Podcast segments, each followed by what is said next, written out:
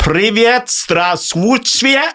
Og eh, velkommen til en ny episode av Skivatse Vatse. Og du som er så språkmektig, Tor Christian. Hva syns du om uttalen min? Bra. Jeg har ligget i hardtrening nå i to uker. Eh, Privet var veldig bra. Uh, Kan jobbe litt mer med avslutningene. ja, men uh, terningkast fire pluss. Jeg skal ha for innsatsen. Ja. det var vanvittig innlevelse.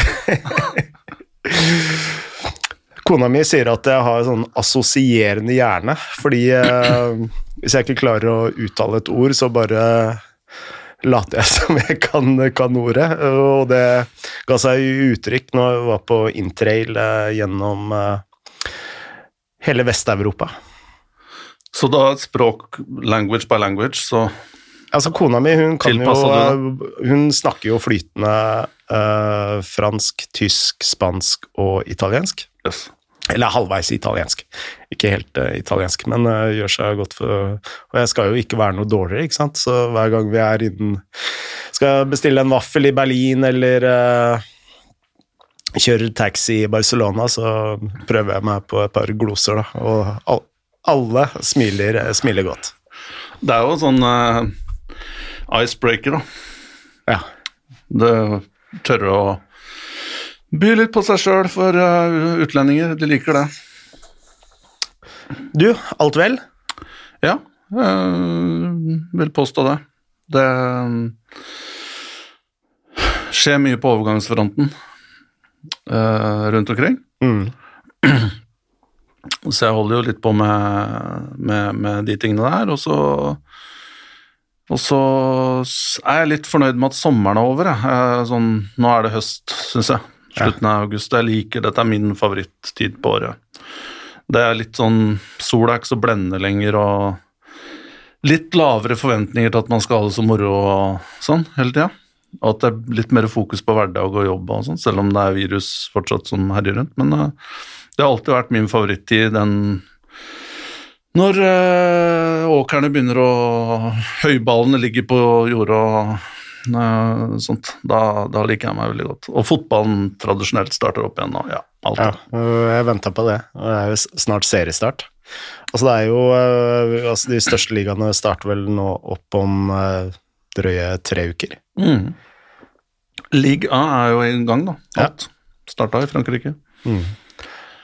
Du nevnte at du har mye fokus på overgangsmarkedet, og altså, det er jo din store uh, interesse og det du har veldig mye kunnskap om, men, øh, og det er ikke kanskje det jeg følger øh, tettest selv, men det virker som meg at det overgangsvinduet vi har nå, eh, virker å bli ganske gigantisk. Altså, du ser allerede nå en del sånn ganske store overganger.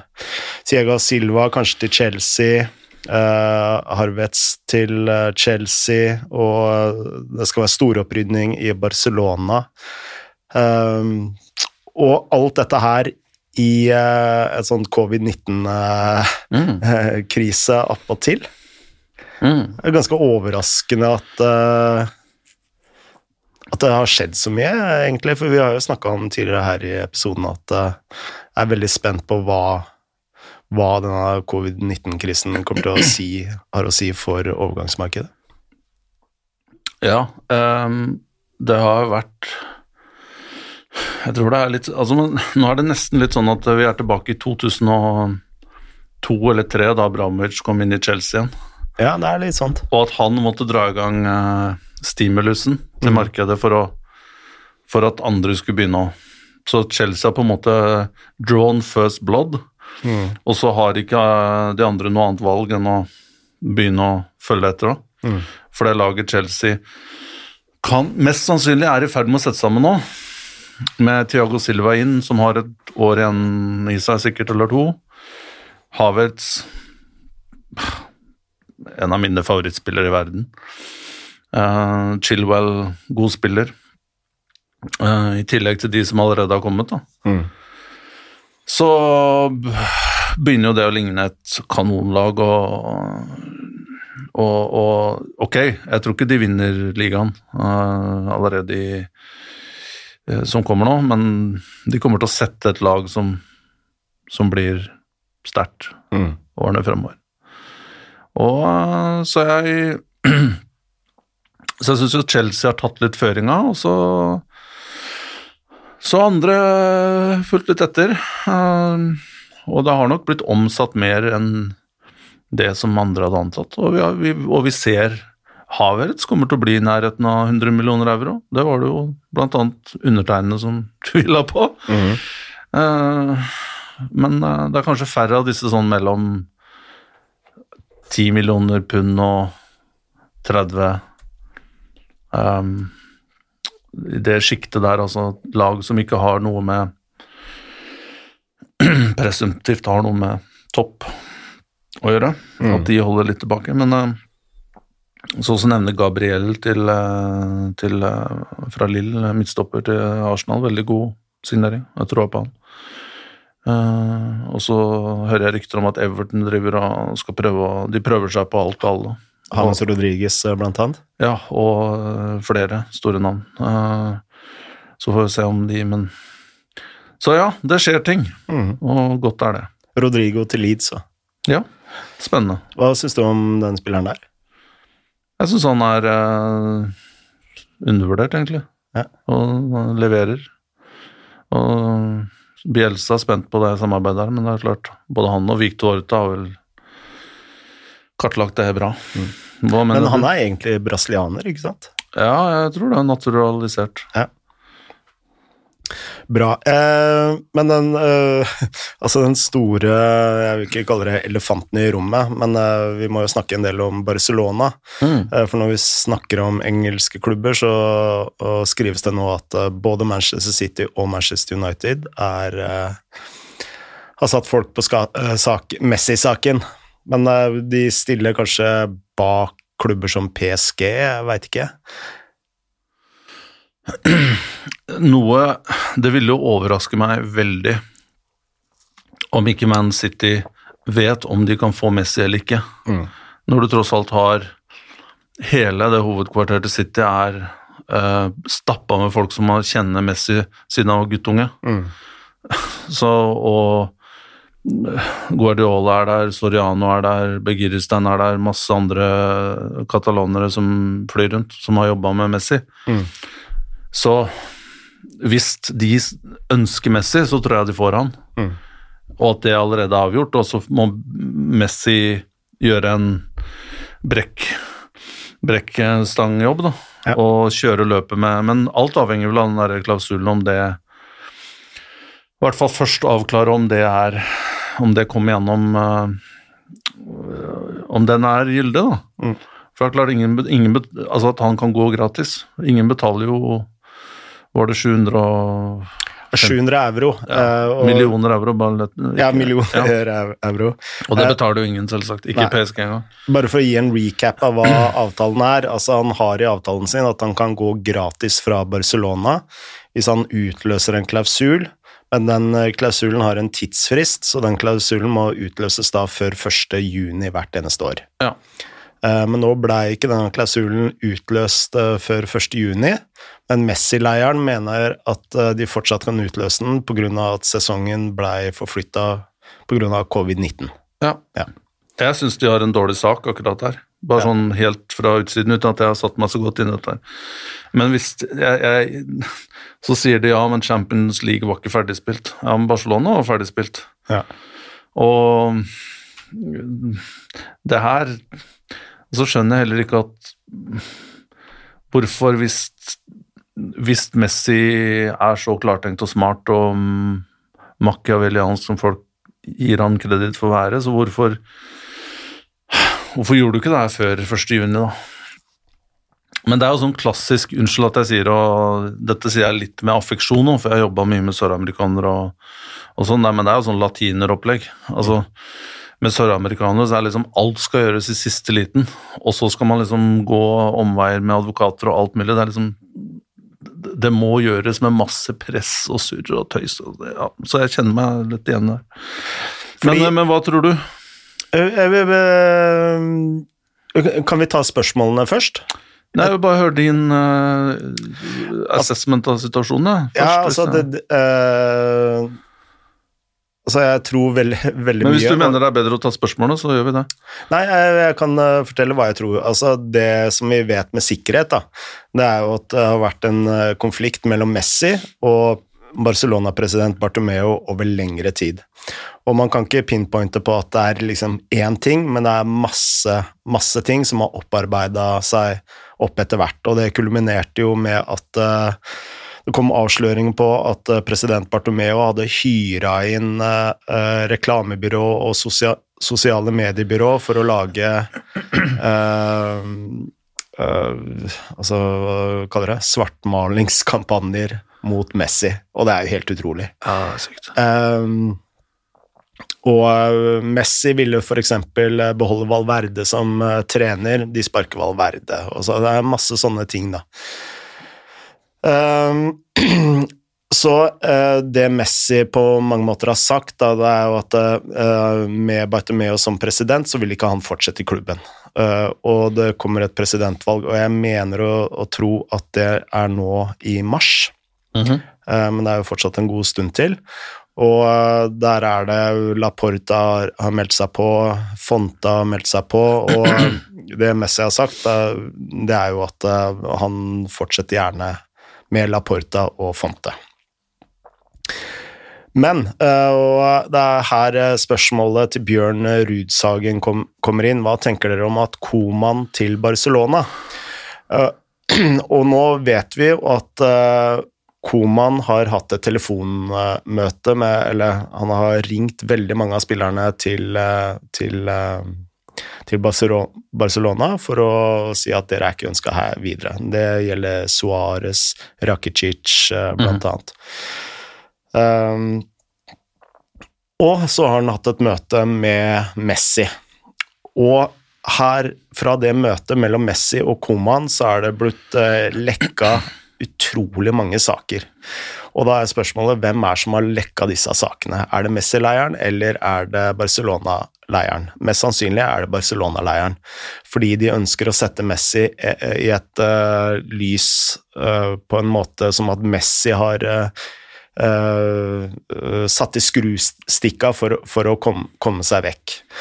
Uh, men eh, det som har kommet ut av det møtet mellom Messi og, eh, og eh, Koman, som også Guillaume Ballagé har bekrefta, det er jo at Ordlyden her er, er, er, litt sånn ulike definisjoner på, men Koman har da sagt at tiden hvor du og resten av Barcelona-spillerne får spesialbehandling, er over.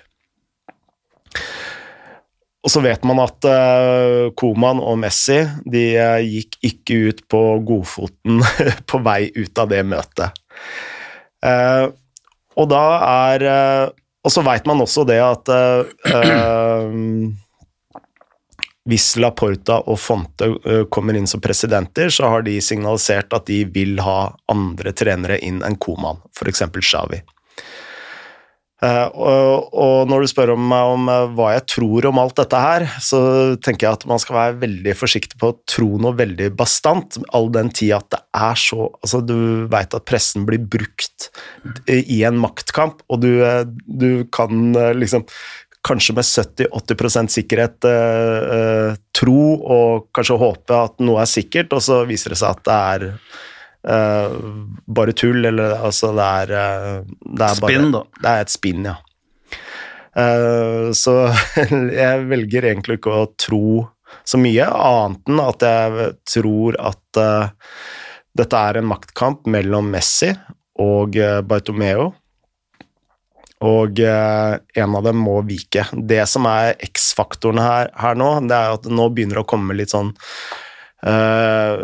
altså, Du ser at supporterskaren til Barcelona i Barcelona begynner å røre seg. Det har vært eh, protester utafor Camp Nou eh, etter at ryktene at Messi var, var på vei bort, eh, mot president Bartumeo. Og en, en, av de årsakene til at president Bartomeo har klart å holde på makta så lenge, det er, det handler veldig mye om at de som er medlemmene i Barcelona, det er eh, gjerne eldre mennesker som ikke har eh, full oversikt over det nyeste av det nye som skjer på innsiden av Barcelona. Eh, altså, de er ikke på sosiale medier, og dette er det jeg har fått forklart av folk som følger spansk fotball ganske tett. Da.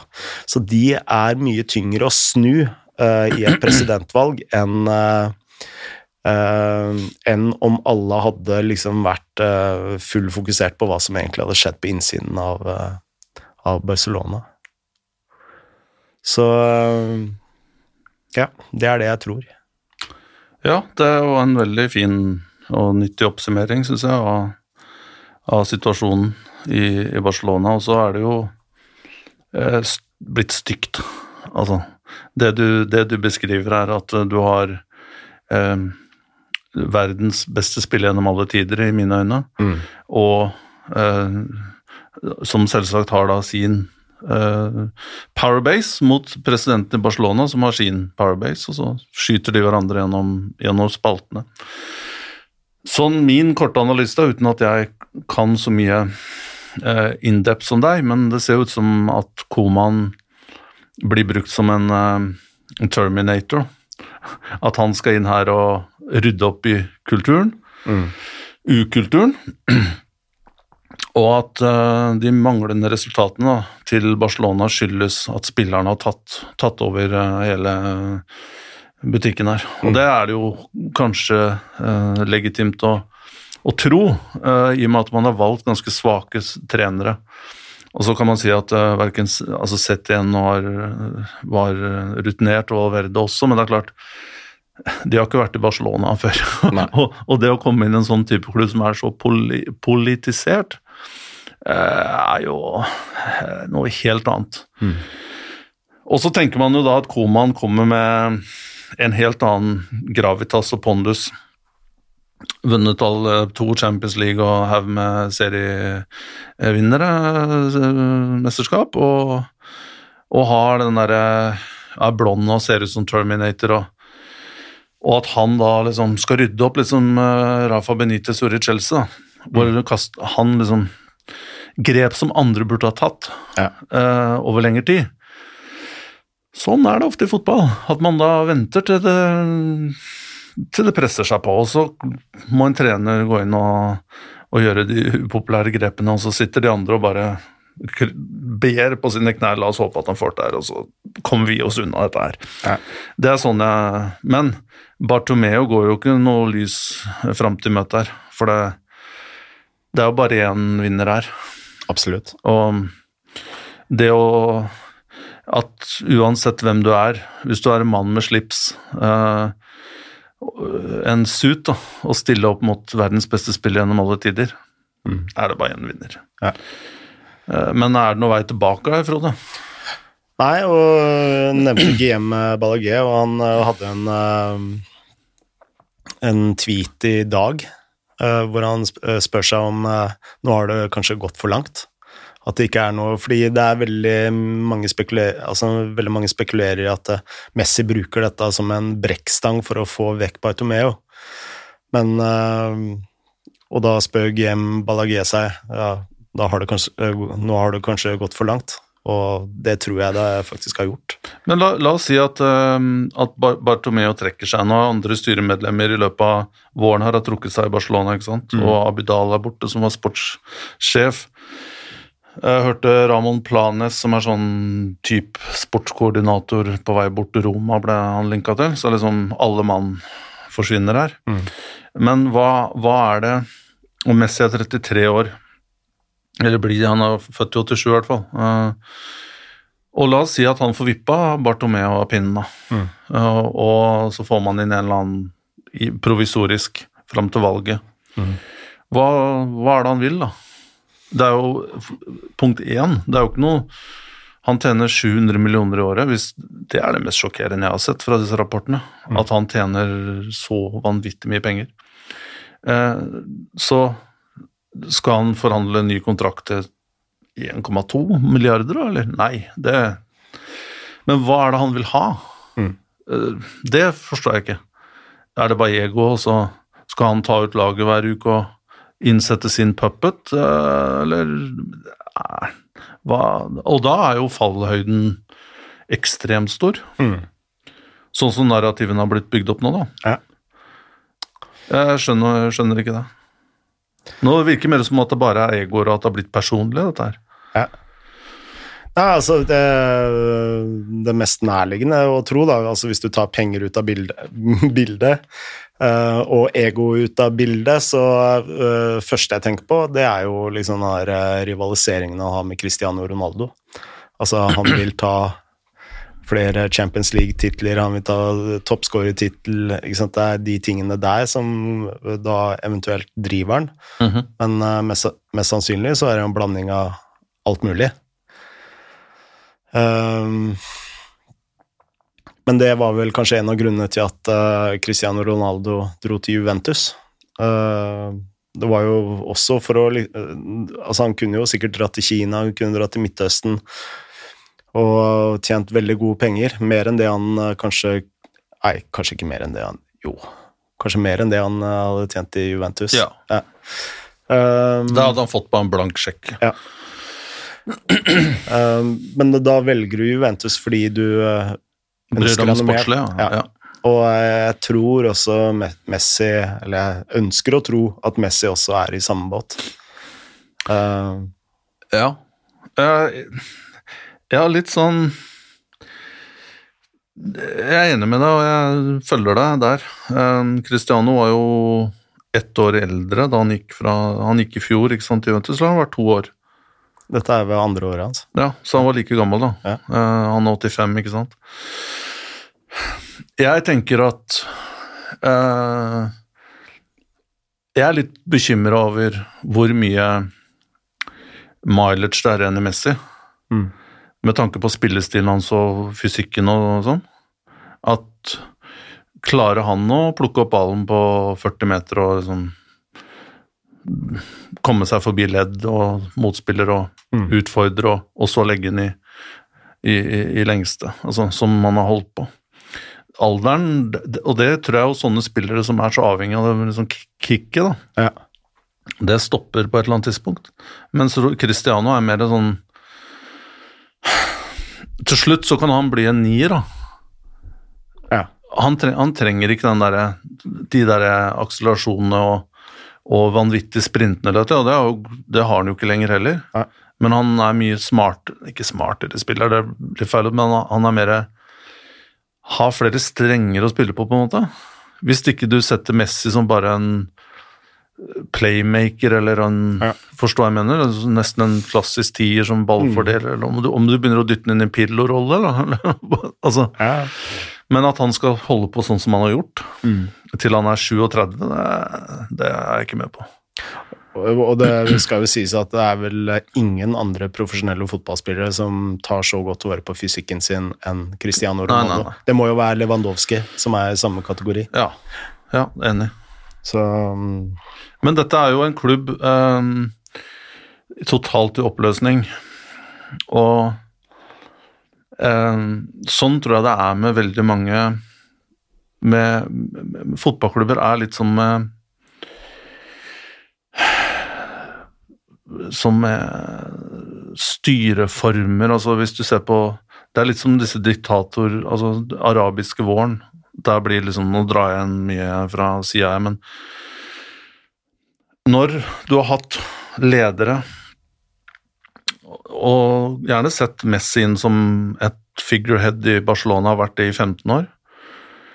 Eh, og disse presidentene har liksom bare vært Siden Laporta så har det vært de har, de har vært mindre enn Messi, da. mm, Eh, og så ser man når de glipper, så liksom da er det ingenting igjen. Alt faller bare grus, og det er, man har ikke bygd strukturer og systemer under som kan gjøre at når figureheaden er borte, så bare raser alt sammen. mm. Og det er litt typisk i fotballklubben når du har sånne sterke, sterke ledere. Uh, veldig profilerte ledere som har avdiflekta mye oppmerksomhet, tatt egenhendig veldig mange beslutninger. Sir Alex Ferguson vil jeg også si kanskje er det eksempelet. Litt Wenger i, Wenger i At suksessen deres er veldig knytta opp til deres person? Ja. Og systemene også under dem er knytta opp til dem. De har sine folk, nøkkelroller, Mm. og har jobba på den personens eh, nåde og premisser, og når de er borte, så bare faller, raser hele systemene sammen. Ja, fordi de nøkkelpersonene som jobba under Laporta, eksempel, de er nå i Manchester City. Ja, Ja. ikke sant. Og, og de bygger jo, men samtidig så får man jo se i City når Jeg har en følelse at også der at når Pep forsvinner, så stikker vel kanskje de andre òg. De andre, ja. Uh, og det at de er, har sitt prosjekt sammen. Ja. Og hvem vet, kanskje de dukker opp på, på kamp nå, da. ja, fordi vi har også fått et spørsmål Get the band together. band, Eh, Fordi vi har også fått et spørsmål fra Sondrei eh, på Twitter, og han spør er storhetstida over for Barcelona. Dyre kjøp som ikke passet, som Coutinho, Griezmann, Dembélé. Bytte salg med Artur, Pjanic Merkelig valg, eh, skriver han. Messi, Suárez, Vidal, Rakitic ikke med videre. Bartomeo får gjennomgå, og Abidal er borte. Og én ting er at de har bomma på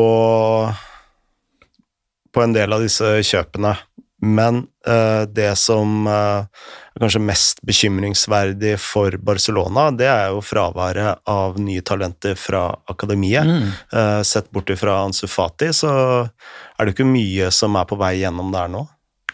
Det er et veldig godt poeng. Og kanskje jeg tar munnen for full her. Um, men jeg tror det skjer også noe med systemer. altså Systemer, da tenker jeg på organisasjon, strukturer, klubber, land, altså alt systemer. Mm. Og det skjer noe med systemer når du blir hypa opp, og man får for mye ros. Mm. Og jeg husker jo blant annet, hvis man går tilbake til 90-tallet, så var det Milan som var best practice. Mm. Og folk reiste over hele verden for å se Milan. Og Milan Lab, blant annet, som ble liksom haussa opp som det mest vanvittige. eh, state of the art, eh, medisinske som eh, praksisen i, i, i verdens eh, fotball. Og så husker jeg snakka med en fra Milan, kanskje for ti år siden, så sa han at du, Milan Lab, Lab er bare marketing. Det er, det, er liksom, det er ikke noe bedre enn andre har. Det er liksom, hva er det som får deg til å tro at Milan plutselig har funnet noen hellig gral når det gjelder restitusjon og fysisk trening og medisinsk? Liksom, dette er jo forskning som er tilgjengelig for alle. Mm. Um, og de som går der, er liksom ikke av den oppfatningen at de lenger driver med noe som er så vanvittig innovativt. Og, og det var litt det samme med Barcelona på 2000-tallet. Eh, at alle skulle dit, og La Masia og, eh, og, og Catala Catalonia og spansk fotball best practice. De vant VM, Barcelona fikk med seg det som var, og så reiste alle dit. Og den type opphaussing og publisitet, det tror jeg er skadelig for systemer. Ja. Fordi du Alle er avhengig av å få inn nytt og forbedre seg, ikke hvile på laurbærene og, Mm. Og bli et slags museum for at folk skal komme rundt og hele tiden holde turer og Du bruker mer tid på å veilede trenere, unge trenere fra Ecuador og Kina og Malaysia hver dag liksom, for å se hvor gode vi er. Ja. Jeg tror ikke man har godt av det. Altså. Og det er mennesker som driver disse systemene her òg, og det går inn på deg på en eller annen måte. Mm. Og det forhindrer til å fornye deg. da. Og Barcelona sender liksom, du har fulle systemer, folk som reiser rundt av konferanser og selger sitt, sitt konsept og sin modell. Mm. Det, det, det er jeg svært skeptisk til. Så at de kan ha endt opp på Du hadde Mila, nei, Barcelona Camp, og, eh, som var av et prosjekt som jeg tror fortsatt blir solgt. Som er sånn license-greie du kan kjøpe. og har fått sånne invitasjoner i mailen om å være med i turnering i Barcelona, mot, spill mot Barcelona, tren med trenere fra Barcelona. Ja. Og, og disse trenerne som går med Barcelona-T-skjorte, har jo knapt eh, liksom, De sitter ikke på vippen eh, når det er kamper, på en måte. De, de har jo bare en veldig løs tilknytning til Barcelona. Mm. Så dette blir jo en slags en brand de har bygd for å Så du blir altfor fokusert på hele den pakka rundt og tjene penger på det, enn å dytte det fram, da. Blueprint er uh, utrolig farlig for utvikling. Jeg tror blueprint er, er, er, smart hvis du skal et sted, men når du har kommet dit så, Eller på en måte prosessen må jo være målet. Mm. Ikke at nå har vi kommet dit og blitt så sykt gode at verden kommer og ser på oss, og så, og så stopper det der. Mm. Sånn er det med alt, tror jeg. Mm. Men så er det også noe med hvordan man uh, kommer til konklusjonene. Da. Altså Hvis man tenker at uh, Barcelona var best practice, practice da, på, fra si 2009 til 2015. Uh, og så går du bak resultatene, og så Altså, onde tunger kan da si at det eneste grunn til at Barcelona var verdens tidenes beste lag er Messi. Er Messi. Uh, og, og, er det Barcelona, eller er det bare et uh, unikt talent? Det henger sammen. Og Barcelona var jo altså Vi skal ikke, vi skal ikke stikke under stol at det var jo også et Det er en kultur der, og det, det har vært en storklubb uh, fra lang tid tilbake. Så, men at de fikk en oppblomstring også med den generasjonen med Iniesta og når kom han gjennom? Sånn 2001-2002, tipper jeg. Mm. Da kom han, og så kom det jo flere i samme Shawi var liksom på sitt uh, ypperste der, og det kom innom fantastiske utlendinger, da, og Piquet litt senere. Og så Messi inn i den suppa der. Det er klart det hjelper. Så hadde du ikke hatt det, så hadde du blitt mye tyngre. Mm. Da er det jo som en annen klubb, da, på en måte. Mask er en klubb. Ja. og, og vet du hva Mask er en klubb? Eh, altså noen Barcelona-supportere må ikke eh, liksom la seg fyre opp så mye nå, men eh, Mask en klubb eh, Det er jo noe arrogant ved det, syns jeg. Ja. Mer enn en klubb. Det er ikke tegn på noe som har eh, foten på jorda, da. Eh, og Uansett, eh, det er, det, er, veldig mange spillere som eh, forsvinner fra Barcelona, og det kommer jo til å eh, skape en morsom stoldans i internasjonal overgangsmarked, det internasjonale overgangsmarkedet de neste ukene. Og så er jeg spent på hvor gode disse Barcelona-spillerne er når de må inn og når de må inn og kommer inn i nye rutiner og ikke lenger er Det er jo tydeligvis en gruppe her, ledet av Messi, som har styrt den garderoben, og Piquet, og når de står Uh, alene og må vise seg fram og har vært veldig knytta opp til den spillestilen, hvor, mm. hvor gode er de da? Rakitic eh, mest sannsynlig tilbake til Sevilla. Uh, Vidal ryktes uh, uh, med en liten gjenforening med Conte i Inter. Nå er Conte bekrefta at han fortsetter, så ja, det blir spennende. skal vi snakke litt om norsk fotball òg, eller? Ja, ja, du fører ordet her. vi har fått et spørsmål fra Adidas-mannen på Twitter og Ulrik Motsfeldt. Og dette er en spiller som du eh, henta i sin tid til start, Aremo Afes. Afis Aremo. Ja. Afis. Eh, han gikk eh, nettopp til San Pauli fra start. Og spørsmålet er hva er kvalitetene, svakhetene og utviklingspotensialet for han, for oss som ikke kjenner han så godt? Å oh ja. Um veldig kjapt. Han eh, kom 2017 Han imponerte meg med en gang, for jeg husker vi så uh, Vi så kamp i Sørlandshallen. Uh, han var ikke klar til å spille ennå. Medisinske greier som noe papirarbeid. Så vi, vi brukte ikke han. Men uh, jeg satt ved siden av han og Isaac Troom og agenten til disse to, blant annet. Og mens vi satt og prata, liksom, så satt Afiz sånn og så Altså, han satt med, med kinnet nedi mellom tommelen og pekefingeren og fulgte med kampen mm. hele tiden. Og han er også en av de få spillerne som jeg har vært borti her i Norge som er genuint eh, interessert i fotball. Uh, og, så han kommer til å komme langt. Han er uh, Han er en uh, Hvis man skal sammenligne, da Han liker å sammenligne seg sjøl med Casemiro og Real Madrid. Ja. Det er jo kul, eh, kul eh, role model, men det dekker veldig mye rom. Han er hardtarbeidende, han vinner mye dueller. Litt sånn knuffer folk unna og flink til å pirke ballen ut av dueller, ut av situasjoner. Kommer gjerne med ballen, litt bruk av albuer og og sånn. Er ganske hurtig til å være sentral midtbanespiller. Um, han blir jo 21 nå, så han ligger godt og har Men han har skåret noen sinnssyke mål her i norsk fotball, da, men det er sånn enten-eller. Enten så er det row set eller ballen ut i, ut i fjorden, eller så er det krysset. Ja. Så han mangler litt på sånn faktisk avslutningsteknikk og følelse i foten og eh, sånt. Men han han eh, er en veldig proff eh, type. Eh, Bra, bra fyr. Smart. Mm. Gledesspreder også. Han, eh, han liker jeg veldig godt. Kan komme langt.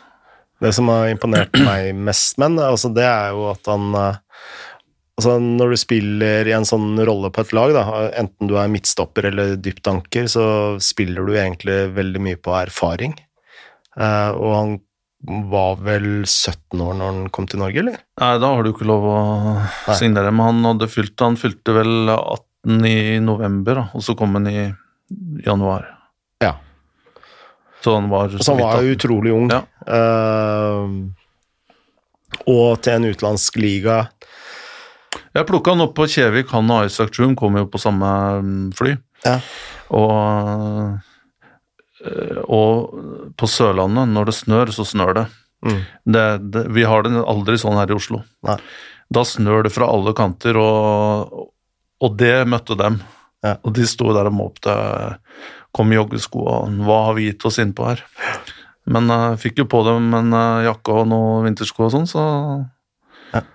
Poenget Ja. mitt er en sånn rolle krever jo Mm. altså, mye overblikk, mye erfaring, altså mye ro.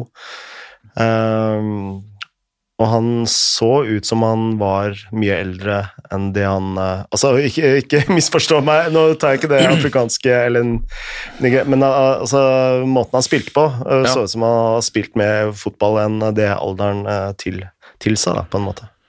Ja, han, både han og Isaac Troom hadde et, og hatt fortsatt litt å jobbe med at det er mye unødvendig balltap. De er ikke vant til det presset Nei. som er i norsk fotball, at når du mottar ballen, gjerne feilvendt, som defensiv midtbanespiller, så så er det en motstander i ryggen på deg med en gang. Mm. Mens de da begynner å vende, og så mister du ballen. Mm. Og så tar de gjerne et touch eller to for å få overblikk, og så er, det, er den borte da. Og så har de blitt flinkere nå til å sjekke skulderen og skaffe seg overblikk før de får ballen. Så mye, mye ligger der. Mm. Men det er en greie som du ser på utenlandske spillere. Du tror de har bedre tid når de kommer til Norge? Ja, med ballen. da. Men i hvert fall afrikanere eh, som ja, som kommer fra en helt annen, mye mye tregere type fotball. Hvor var det vi så han eh, første gang? Vi så både han og Chum på Wafu, vestafrikanske mesterskapet for eh, lokale spillere, Ja. eh, i 2017. Eh, og, og Ghana vant med Chum var jo kaptein for, for eh, Ghana, som vant. Det er en utrolig interessant mesterskap, faktisk, som er sånn superrelevant for Norge, for det. du har de presumptivt beste spillerne, hjemmebaserte, under 23 fra hele Vest-Afrika, Mm. som spiller da over to-tre uker. Så der var det mye, mye spennende. Men eh, spilte Chum og Aremu Aremo på samme lag? Nei, Trom er jo Ghana og Aremu er nigerianer. Men ha- har ikke Aremu også spilt i Ghana? Han var innom eh, De henta han etter det mesterskapet, Ja, okay. før vi rakk det. Så sånn er det. Jeg er Litt mer om eh, norsk eh, fotball, fordi nå eh, Altså Nå ryktes det jo om at eh, Vidar Ørn Kjartason er på vei til eh, Vålerenga. Eh, og det, det har fått meg til å, å tenke på et par ting. For jeg må jo si at jeg har aldri vært noen sånn Kjartason-fan, egentlig. Eh, Uh, og eh, Altså, jeg har alltid likt litt sånne store Lukaku, det er en sånn typisk spiss eh, jeg eh, liker, da. En sånn stor, kraftig spiss som eh, liksom går uh, Mava i Strømsgodset, eksempel, er jo også en sånn spisstype jeg liker veldig godt, da. Men en ting som har vokst veldig på meg de siste årene, som jeg har tenkt veldig mye på, det er Altså, du kan se en fotballkamp, og stort sett uh, Fotballkamper er jo egentlig mye jevnere enn eh, det man tilsier hvis du bare måler banespillet. Der er forskjellene på lag eh, mye mindre. Uh, bare følg, følg, med meg. Ja, ikke, uh, og, uh, ikke dårlig tid. Brann og Mjøndalen, for eksempel, da, hvor Mjøndalen vinner 1-0 på bortebane, er et godt eksempel på det. Uh, hvor du har en spiss i Bamba som uh, brenner sjanse på sjanse på sjanse på sjanse, og uh, Mjøndalen i annen omgang har én sjanse og scorer. Og så tenkte jeg at dette her har jeg sett så mange ganger. Et lag som har, har angrepsspillere som bare brenner, brenner, brenner sjanser, og så kommer motstanderen, og så har liksom én eller to eller tre sjanser og setter alle tre. Og så plutselig er det 3-0 eller 2-0 eller 1-0. Uh, og det er noe uh, Jeg bare føler jeg har sett den kampen der gang på gang på gang på gang.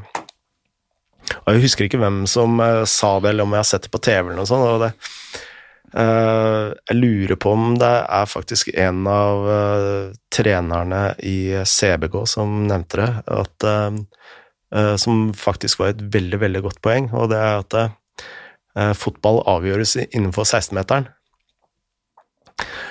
og og det tenkte jeg ja, Selvsagt, det er jo helt riktig. Og det jeg tror veldig ofte journalister og, og fans for øvrig vi, eh, vi undervurderer eh, de evnene det, det, er å sette den ballen i mål. Altså det å kunne Uh, avslutte på ett touch når du er innafor uh, 16-meteren.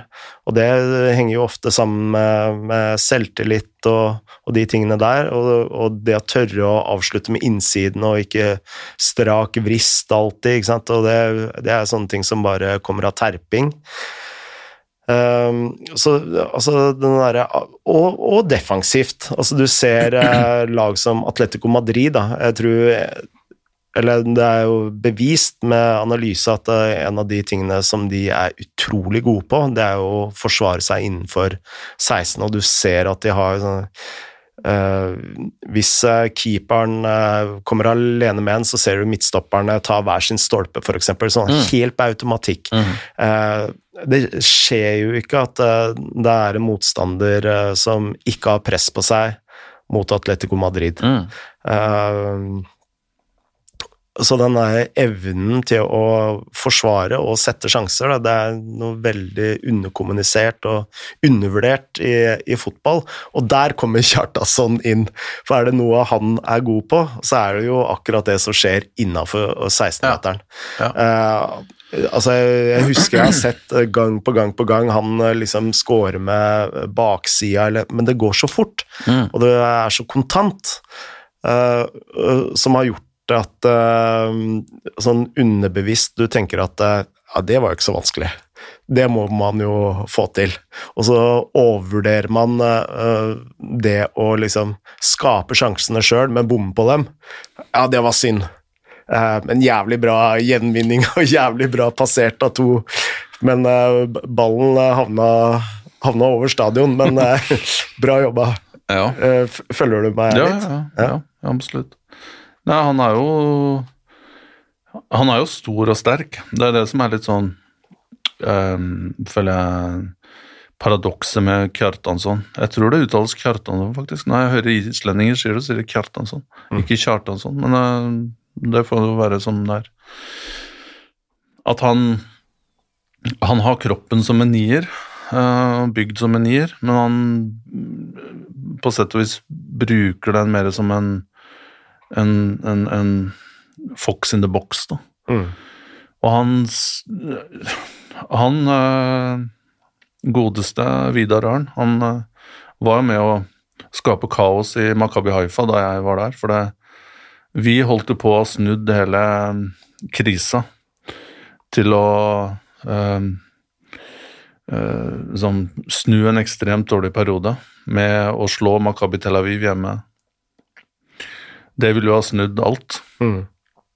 Uh, og Uh, og han uh, utligna da uh, Skårte for øvrig det første målet òg, og så utligna han da i 94. minutt siste uh, målet på ballen. Siste touchen på ballen, og det var jo fullstatt sam Sami Offer i Haifa. Og, og da var det bare sånn, ja, nå liksom, Da gikk lufta ut av ballen.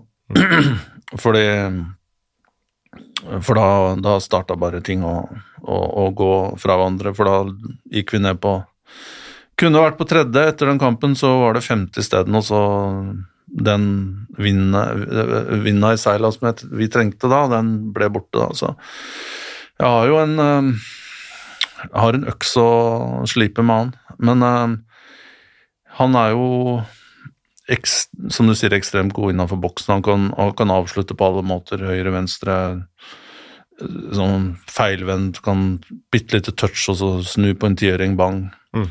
God hodespiller. Um, men han gjør jo ikke mye ut av seg hvis han ikke scorer.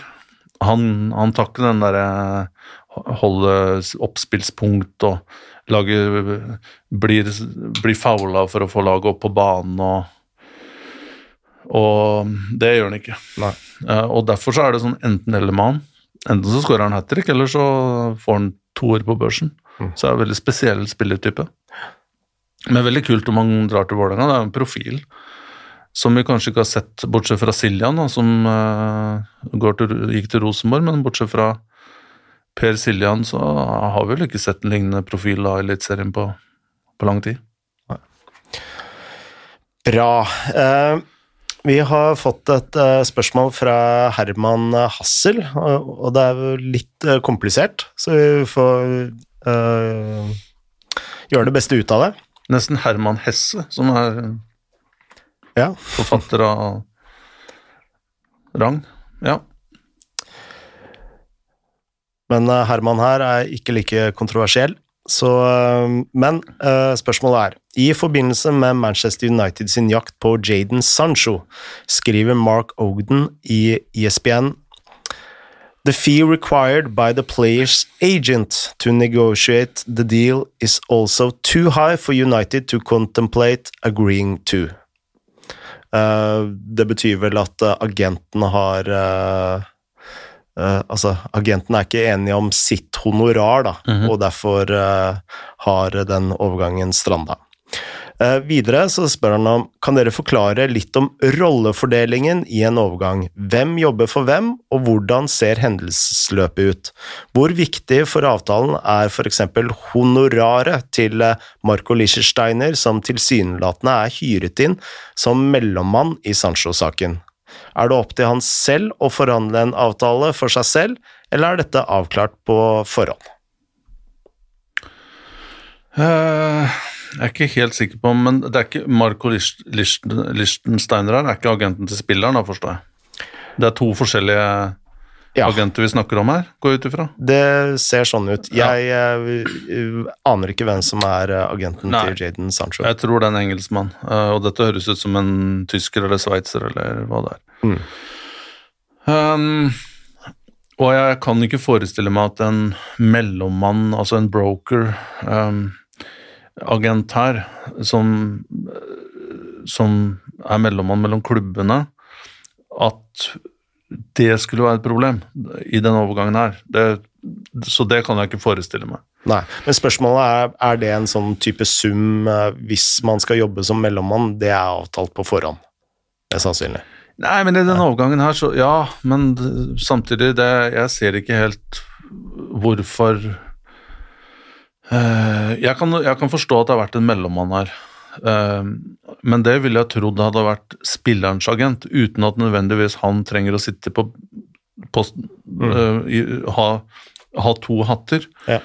Men at um, at det på et eller annet nivå har blitt signalisert til Dortmund at hva er det Manchester United kan være villig til å betale, og så gå litt sånn det fram og tilbake mellom en mellommann Eh, det er vanlig. Mm. Um, men det, det er ikke en jobb du som uh, dealen står og faller på. Men at uh, spillerens agenthonorar Mm. kan stå, stå og falle på, ja, det kan det. Mm. Um, og det har man jo sett andre eksempler på, uh, hvor um, Men igjen, vanligvis så er det sånn at agenten kommer og sier at uh, når det har kommet et visst stykke i, i prosessen, så, så viser han kortene og sier at du, nå begynner vi å nærme oss her, og jeg skal ha det her. Og da Og da må man jo bruke litt tid på å Mm. jobbe med de summene der òg, men uh, de fleste i fotballen er jo inneforstått med at den summen ligger sånn et sted mellom 7-10 Mm. Så i det tilfellet her så er det jo klart at det, det er mye penger. Men eh, dette kan jo også være bare brief. At man igjen legger skylda på noen andre for at man ikke har kommet i mål og sånne Ja, ting. for dette kan like gjerne være spinn. Uh, Ja, for meg så virker det sånn. Jeg, jeg forstår ikke hvorfor. Skal agenten til Sancho La oss, han, ha- la oss si han har tilbudt um, 5 da. Mm. Uh, Så han har, han har tilbudt 5 millioner pund over, over fire år, eller hva det er. Så en million pund i året, eller litt mer. Så skal det være sånn at, at dealen faller på at han At han krever ti, og så møtes du ikke Det er, sånn, det er jo så store summer her at at du Det løser seg jo. Mm. Um, men det er jo veldig convenient å skylde på agenter, da. Ja, for hvem er eh, mest tjent på at uh, en, uh, altså en overgang som mest sannsynlig ikke kommer til å skje, i hvert fall uh, nå, Uh, altså beskrives som at det er agenten som er gjerrig, som har stranda hele avtalen. Hvem er tjent med det? Det er jo Manchester United. Ja. Så Og, og igjen, han agenten, at han skal sitte og vente på Vente et år på en stor, stor sum som kanskje aldri kommer. La oss si at Jaden Sancho har et dårlig år, da. Ingen vet jo det. Eller at han blir skada eller noe sånt. Og så, da er jo han For han neste sommer så er det jo null. mm, Så at Nei, det, det syns jeg høres veldig rart ut. Men igjen, vi starta jo der, og noe av problemet nå i år, nei, nå, i dag Fotball har blitt så mediedrevet og, og politisert, og spinn er så stor del, del av det, og, og, det mener jeg faktisk at kommunikasjonsrådgiver har blitt en av de mest viktige, dessverre, delene I en fotballklubb. ja. For det, og, og vedkommende, eh, han eller hun jobber eh, 24-7. Og i hvert fall i Premier League. Og du har jo et helt team. Mm. Samtidig som man også bruker eksterne for å nå enda bredere og, og, og, og sånn. Og også skape en distanse, da. Mm. Uh, og det syns jeg er veldig synd. Og det, og det som skjer ut fra den kulturen der, da, det er jo at at man forankrer ting basert på spinn som ikke er sant. Og så spinner man videre på det. Så la oss si at media nå kjøper at det er agenten til Sancho som er vanskelig her. Og så bygger man narrativ videre fra det, som kanskje ikke er riktig. Mm. Og sånn ser jeg gang på gang på gang på gang. Og derfor så ble jeg faktisk Jeg blir så glad og eh, nå, nå er jeg privilegert at jeg jobber jo som skribent selv, men jeg skriver saker som handler om analyse og legger fram det jeg ser, og, og noe opinion, da. Mm. Så jeg er heldigvis ikke, i hvert fall foreløpig, inne på det derre feltet hvor folk ringer meg og skal liksom plante ting, men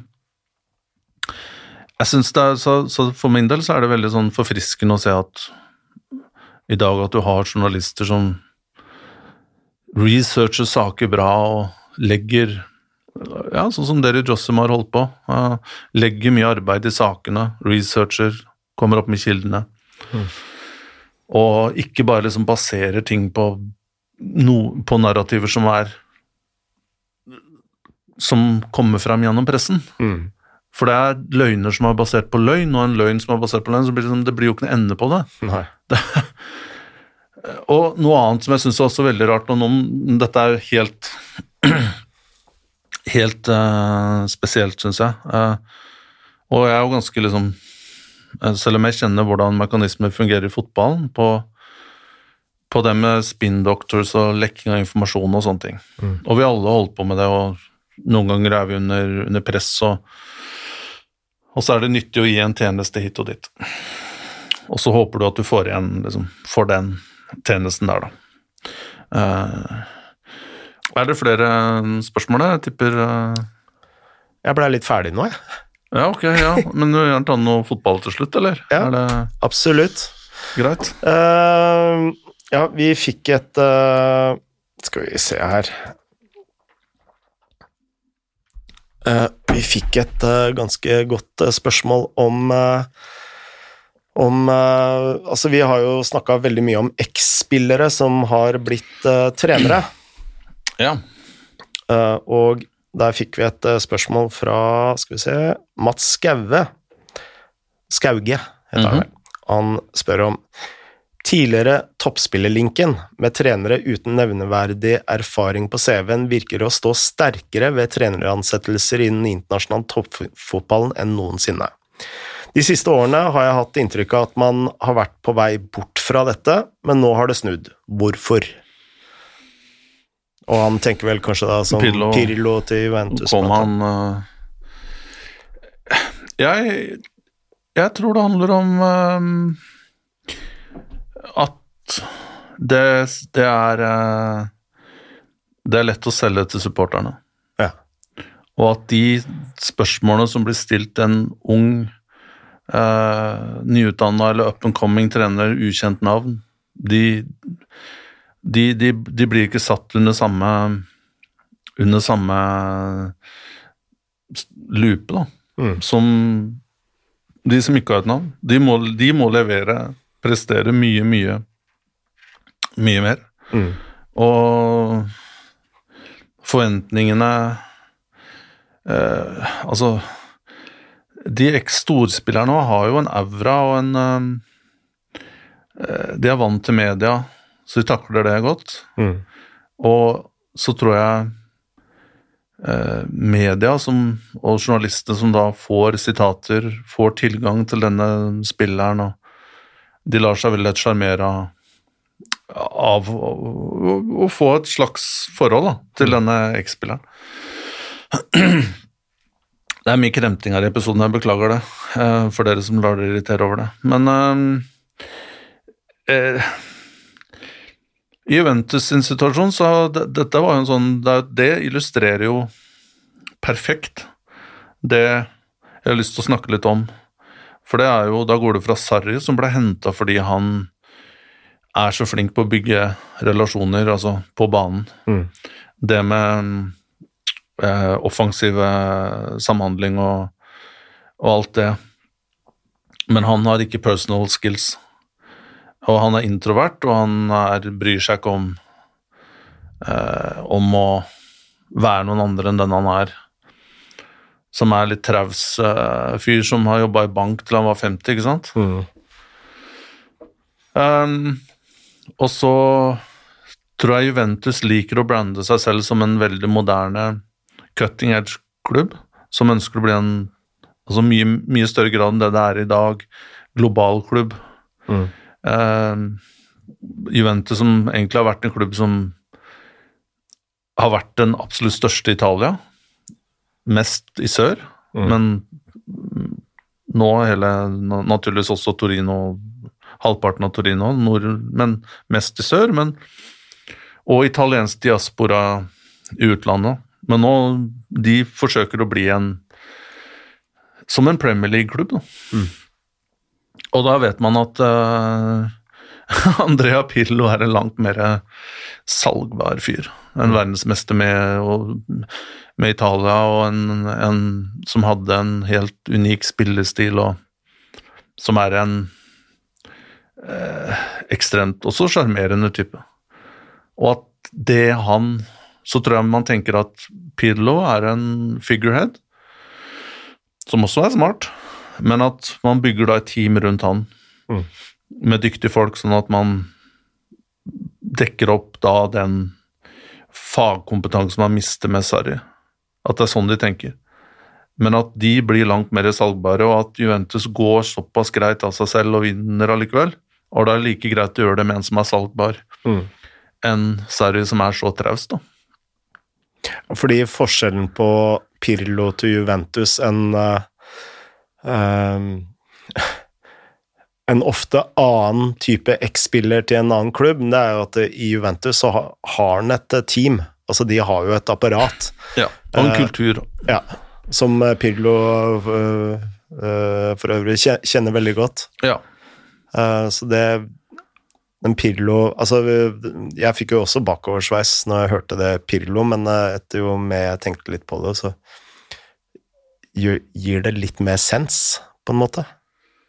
Ja, de, de eh, kravene som man stiller i Juventus, og den derre eksellensen som er der, eh, kulturen, spillestilen eh, At liksom vinnermentaliteten, den eh, verste uttrykket som finnes, sitter i vegga. Sitter i vegga! og det er jo forferdelig uttrykk. Men eh, det gjør jo Det Gjør ikke det på Åråsen, iallfall. Nei, jo, de har jo starta å vinne igjen, men eh, det er i hvert fall noe som er dypt forplanta i, i Juventus, og jeg tror de er kanskje mindre avhengig av en fagtung, eh, selvstendig tenkende trener enn en, Men vi skal ikke undervurdere Pillo, for, for guds skyld. og det er hvis det var en ting som kjennetegna han på banen, så var det jo det å se ting og Altså Ja, altså det taktiske og, og, og, og utføre ideer. Mm. Men det trenger ikke nødvendigvis til å gjøre deg til en god trener, da, men han han vil jo også få såpass mange gratispoeng fordi han er den han er, og verdensmester og kul fyr og, og sånn. Um, og skjegg, og det hjelper jo. Men um, jeg er mer skeptisk til disse Jeg er spent på Scott Parker, uh, Fullham f.eks. Mm. Om hva er det noe bak at de fikk dem opp. Uh, men det er jo en klubb som rykka ned, mener jeg, året før. Så liksom Var det bare dead cat bouncen? Eller var Og nå det blir jo han haussa opp som et Ja. eh, taktisk geni, fordi han hadde analysert hvordan uh, en keeper hadde stått på et frispark.